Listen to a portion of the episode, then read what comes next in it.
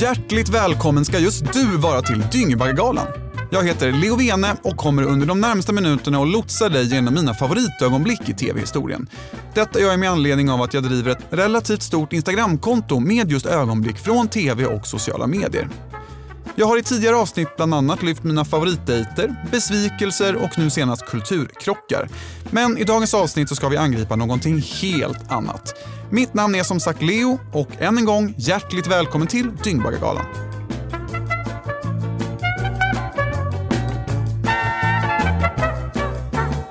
Dagens avsnitt hade jag helt och hållet tänkt viga åt människor med idéer. Alltifrån tips på hur du enklast får ett boende i innerstan till hur du dejtar billigt. Och vad hade egentligen Charlotte Perrelli gjort om hon inte hade haft musiken? Jag säger inte att idéerna nödvändigtvis är dåliga, men jag vill ändå bara inflika viss reservation och att det som sägs i det här avsnittet kanske inte är något som jag, eller den här podden för den delen, rekommenderar någon att faktiskt testa där hemma. Men med det sagt, här kommer min lista över idéer.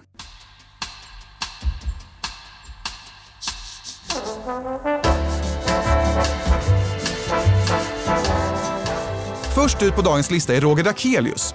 En man vars nätta förmögenhet på 11 miljarder kronor gör honom till en av Sveriges rikaste människor. Merparten av dessa pengar har Roger gjort på bostadsaffärer, så rent krasst borde det väl inte finnas jättemånga med bättre koll på just bostäder än Roger. 2018 så gjorde SVT en dokumentär där man följde Roger. En vanlig miljardär. Skulle du känna att det var okej okay för dig att leva i en stad där det är jättesegregerat? De som har pengar bor eh, på de bästa ställena. Ja, det finns ju inte den typen av så markant. Nej, okej. Okay. Men Roger gav också sina bästa råd till alla de människor som, mot förmodan då, saknar en egen lägenhet. Marknaden är viktiga. Vissa lägger pengar på, på boende, andra på kläder, andra på läppstift. Jag kan säga till folk, sluta köpa läppstift och lägg pengarna på ett centralt boende i Stockholm. Det gör inte, det får de bestämma helt själva. Precis. Sluta sminka er och skaffa er ett hem. Det påminner mig också lite grann om en annan svensk entreprenör, Johan Stahl von Holstein, som i en metrokrönika sådär 2006 kanske frågade sig varför svenska arbetslösa ungdomar inte bara köpte en biljett till New York och skaffade sig ett jobb där istället.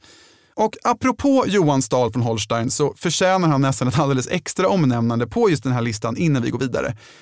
Detta med anledning av en intervju som han gjorde med entreprenörsbloggen Disruptive. Han påstod sig nämligen ha, och nu citerar jag, en idé som skulle konkurrera med både Facebook och slå undan benen på Googles affärsmodell. Men jag har vare sig pengar eller tid att dra igång något sådant. Året var 2008 och hör du det här Johan så väntar vi fortfarande med spänning så här 12 år senare. En person som däremot har gått från ord till handling är uppfinnaren och Norrköpingssonen Thomas Fasse Sandvik. 2008, samma år som Johan skröt om sina revolutionerande IT-innovationer, fick nämligen Fasse en idé. Ja, man börjar undra så här, tekniken går ju framåt. Hur många hundra år till ska vi hålla på och flagga manuellt? Det var där idén kom. Så 2008 eh, gjorde jag patentet. Och det har jag i 17 europeiska länder. Amerika, Australien, Kanada och Chile. Det Fasse hade kommit på var alltså en automatisk flagghissare. En teknik för att förenkla och skynda på processen att hissa upp en flagga på en flaggstång. För detta hade Fasse bjudit in till kalas i en villaträdgård i soliga Norrköping inför en nyfiken och förväntansfull publik. Ja, idag är en stor dag. Idag ska vi sätta Norrköping på världskartan tänkte jag med att visa eh, en prototyp här på en automatisk flaggstång. Eh, du kan ju sätta igång det då. Nu eh, sänder vi signaler till Google som ringer till flaggstången. Så det tar cirka fem minuter innan han får signalen. Jaha, ja, vi stämmer av läget i Norrköping igen om en liten stund. Tills dess så hoppar vi vidare till plats nummer sex på listan.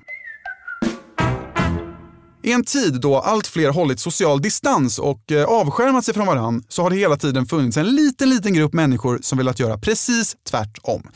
Som tycker att ordet expertis är en styggelse och att den egna vägen alltid är den rätta vägen. Storforspolitiken Urban till exempel, som inte bara tror att månlandningen var iscensatt. Men är det då sunt förnuft att avfärda månlandningen som en bluff? Ja, det är sunt förnuft, det kan vi kalla det för. Okay. Eller att 9-11 inte ägde rum. 9-11 nämnde jag inte lika säker på. Utan som också fick den briljanta idén att i april 2020 resa till Stockholm mitt under pågående coronapandemi. Men den här Stockholmsresan, varför gjorde du den? Ja, jag följde med en läkare som jag känner. Hon skulle i tjänsten till Stockholm för att få corona. Jag hängde på bara. Det var inte mer än så. Jag tyckte det var roligt. Det där låter ju ganska tvärt emot hur alla andra försöker bete sig just nu. Ja, det, det kan man ju tycka. Det är det. Men jag ser ingen risk för mig själv och ingen risk att få något corona. Det, det är ingen, varken för eller nackdel för mig att åka dit upp. Urban reste alltså till den svenska smittspridningens epicentrum och det hade ju kunnat ta slut där. Men det gjorde det såklart inte. Urban, som bland annat skrytit om hur han slickat på räcken i rulltrappan, ombads nämligen till följd av sin utstuderade hälsoresa att lämna ett möte i kommunen då ett av kommunalråden inte bara var diabetiker utan också hade en fru i riskgrupp. Detta kunde Urban absolut inte finna sig i och han blev istället så kränkt att han anmälde kommunalrådet till justitieombudsmannen. Hur ser du på Hans Gillesens oro då? Ja, det är obefogat. Han sa på mötet att han kunde dö av det här viruset för han har diabetes sa han. Och det har inte med saken att göra egentligen. Han, även om han är 90 år så har han inte rätt att stänga ut mig från mötet i varje fall. Så det, det är obefogat. Det finns ingen anledning. Det är en hysteri har gått i det här alltså. Det, som jag skrev till JO. Folk har blivit hysteriska kan man säga. Ja, det kan man verkligen säga. Och till alla er som trott att Urban till sist insåg allvaret i denna världsomspännande pandemi så måste jag göra er besvikna. I en debattartikel i oktober 2020, alltså sex månader efter coronaresan, konstaterade nämligen Urban att pandemin enligt honom var över och att det praktiskt taget inte fanns något coronavirus kvar i vare sig Stockholm eller Sverige.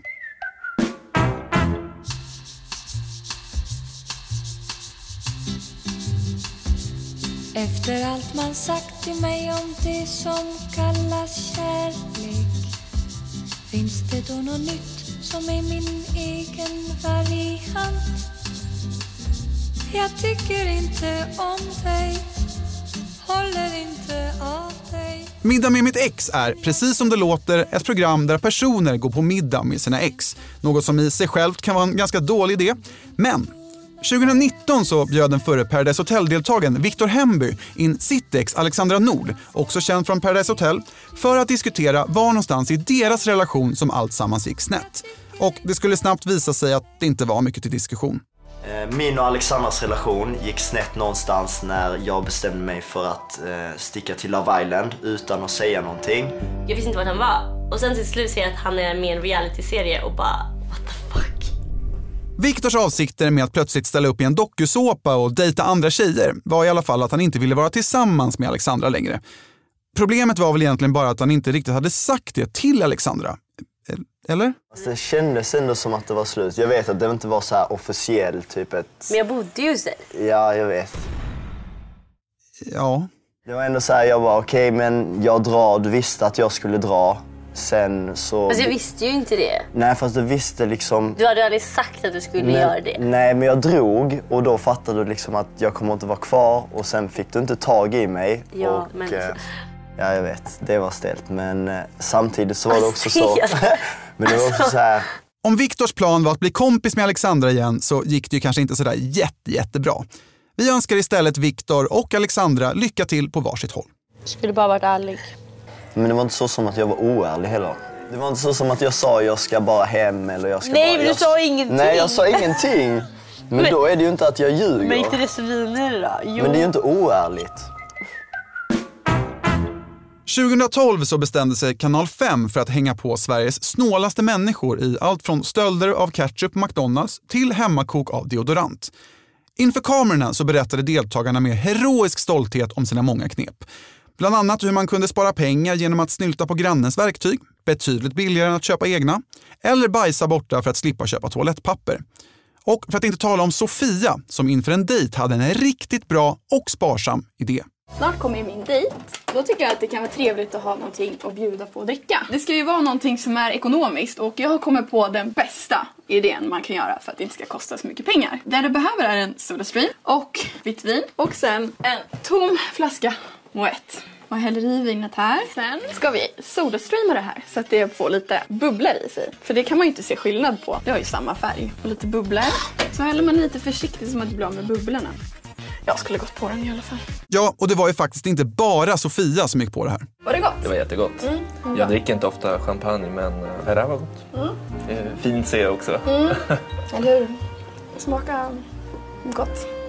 Tänk att Sofia skulle lyckas hitta någon som vare sig druckit champagne eller sodastreamat Castillo de Gredos tidigare. Det var jättegott. För att återknyta till det jag sa i början av avsnittet om att alla idéer inte bör testas hemma så vill jag specifikt avråda andra sparsamma tänkare från att testa just det här.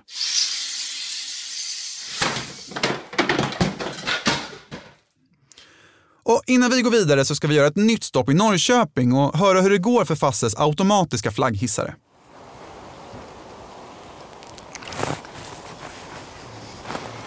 Nej, vi får avvakta lite till.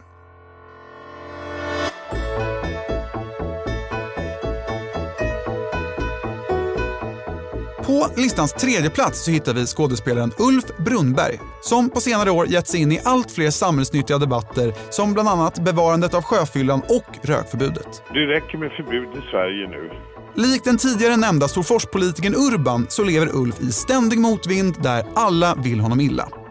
2016 blev han till exempel stoppad i en kontroll på Arlanda för att han hade råkat glömma skärpet på när han gick igenom säkerhetskontrollen. Sånt som händer? Nej, inte för Ulf. Allt var naturligtvis en konspiration där personalen helt enkelt ville jävlas med honom. Som tack ska den ärbare Ulf bland annat ha skrikit svartskalle åt personalen. Ja, som ni hör så är det inte alltid lätt att vara Ulf Brunnberg. Men i sitt sommarprat i P1 så presenterade han faktiskt en alldeles utmärkt idé för att åtminstone underlätta. Inte bara för honom själv, utan också för andra stackars diskriminerade män. En annan tanke som gnagt i huvudet är en mediaidé som i och med detta nu är copyright-skyddat. Copyright-skyddat. En mail channel, alltså en kanal för enbart det maskulina könet. Tänk att som man slippa ta del av all feminism som vräks ut ständigt av diverse media. Innehållet skulle bara vara manligt. Boxning, kampsport, motorsport, vetenskapsprogram, historieprogram, racing, båt, bilar, motorcyklar. Inte ett inredningstips så långt ögat når. Inte ett recept. Inte ett tips om samlevnad på mils avstånd. Åh, typiskt feminister att bara bry sig om samlevnad, inredning och recept. Nej, tacka vet jag mansgöra som. Båt. Och vi passar på att anropa Norrköping igen. Hur, hur går det egentligen med den där automatiska flagghissaren? Det tar lite tid när man väntar så här. Nej, nej. Att ha en plan B kan ju vara en bra idé. Något som även schlagerdrottningen Charlotte Perrelli tog fasta på och vittnade om när hon i Nyhetsmorgon 2014 fick frågan om hon hade några andra intressen utöver musiken. Om jag inte hade sysslat med musik så tror jag jag hade hållit på med politik. Det är det nästan ingen som vet om dig. Nej, jag tror inte det. jag tycker det är superroligt. Jag tycker det är så intressant. Men, men utan att avslöja vart du står, vilka frågor är det du tycker är viktigast? Vad är det du engagerar dig i? Det där tycker jag kan eh, variera lite grann var man står i livet och sådär. Eh, Alltså det är något alldeles fantastiskt med Charlottes ovilja att uttrycka sig konkret och hur hon istället liksom harklar sig och vrider sig. Hon är inmålad i ett hörn helt enkelt. Och man kan som se framför sig hur det står någon svettig manager i kulisserna och bara viftar sådär hysteriskt och avledande. det, det kan faktiskt skifta ganska mycket. Eh, just nu så kan jag ju känna att eh, när man läser och ser vad som händer så kan jag känna att försvaret finns ju, är ju någonting som man bör fundera på hur vi ska ställa oss till om man kanske ska kanske behöver ett ordentligt försvar. Mm. När man har barn så är det ju alltid skolfrågor och sånt som poppar dess, upp. Som Dessutom, man absolut. Men det är ju så med sjukvård när man ser de här som precis har suttit här och berättat om sina ny, nyfödda små barn och Mm. då känner man att då slår hjärtat lite hårdare för det. Så att det finns många frågor som är viktiga. Nej, jag får gåshud.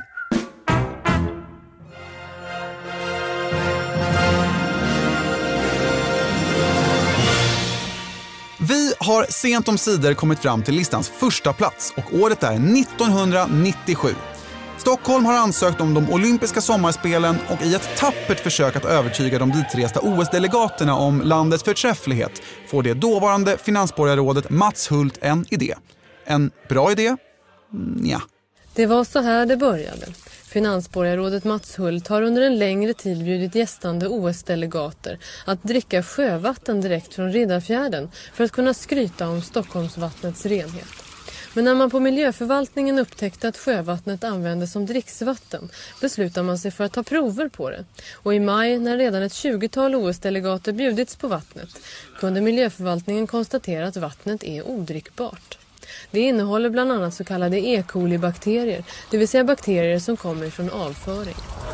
Oh, tastes good. Ja, dessvärre så blev det ju inget OS för Sverige den här gången. Och det blev det faktiskt inte sist Sverige ansökte heller, trots ännu en djärv charmoffensiv från ett stockholmskt finansborgarråd. ABBA is everywhere, and Stockholm and Sweden is a wonderful place for the party that the Olympic Games should be. And as my favorite song goes, you can dance, you can jive, having the time of your life. Ooh, oh, oh. Well, you know the words. Well, well, seriously. Och med de rytmiska orden så tackar jag för att du har lyssnat till ännu ett avsnitt av min podd där jag den här gången har listat idéer. Har du några idéer eller åsikter i största allmänhet så går det bra att skriva till mig på Instagram där jag heter Violene eller Dyngbaggegalan. Vill du se klippen i efterhand så finns de allihop länkade i avsnittsbeskrivningen. Och glöm inte att prenumerera på podden så att du inte missar framtida avsnitt. Podden är producerad och utgiven av Novel Studios med mig, Leo Vene. Och, just det, nu höll jag faktiskt helt på att glömma bort den rafflande avslutningen med Fasses automatiska flagghissare i Norrköping. Titta nu, nu börjar det. Nu kommer eh, landsflaggan upp. Och idag är vi i Sverige, så då kör vi svenska flaggan. Tackar. Vi hörs igen om en vecka. Tack för att du har lyssnat. God kväll, Sverige.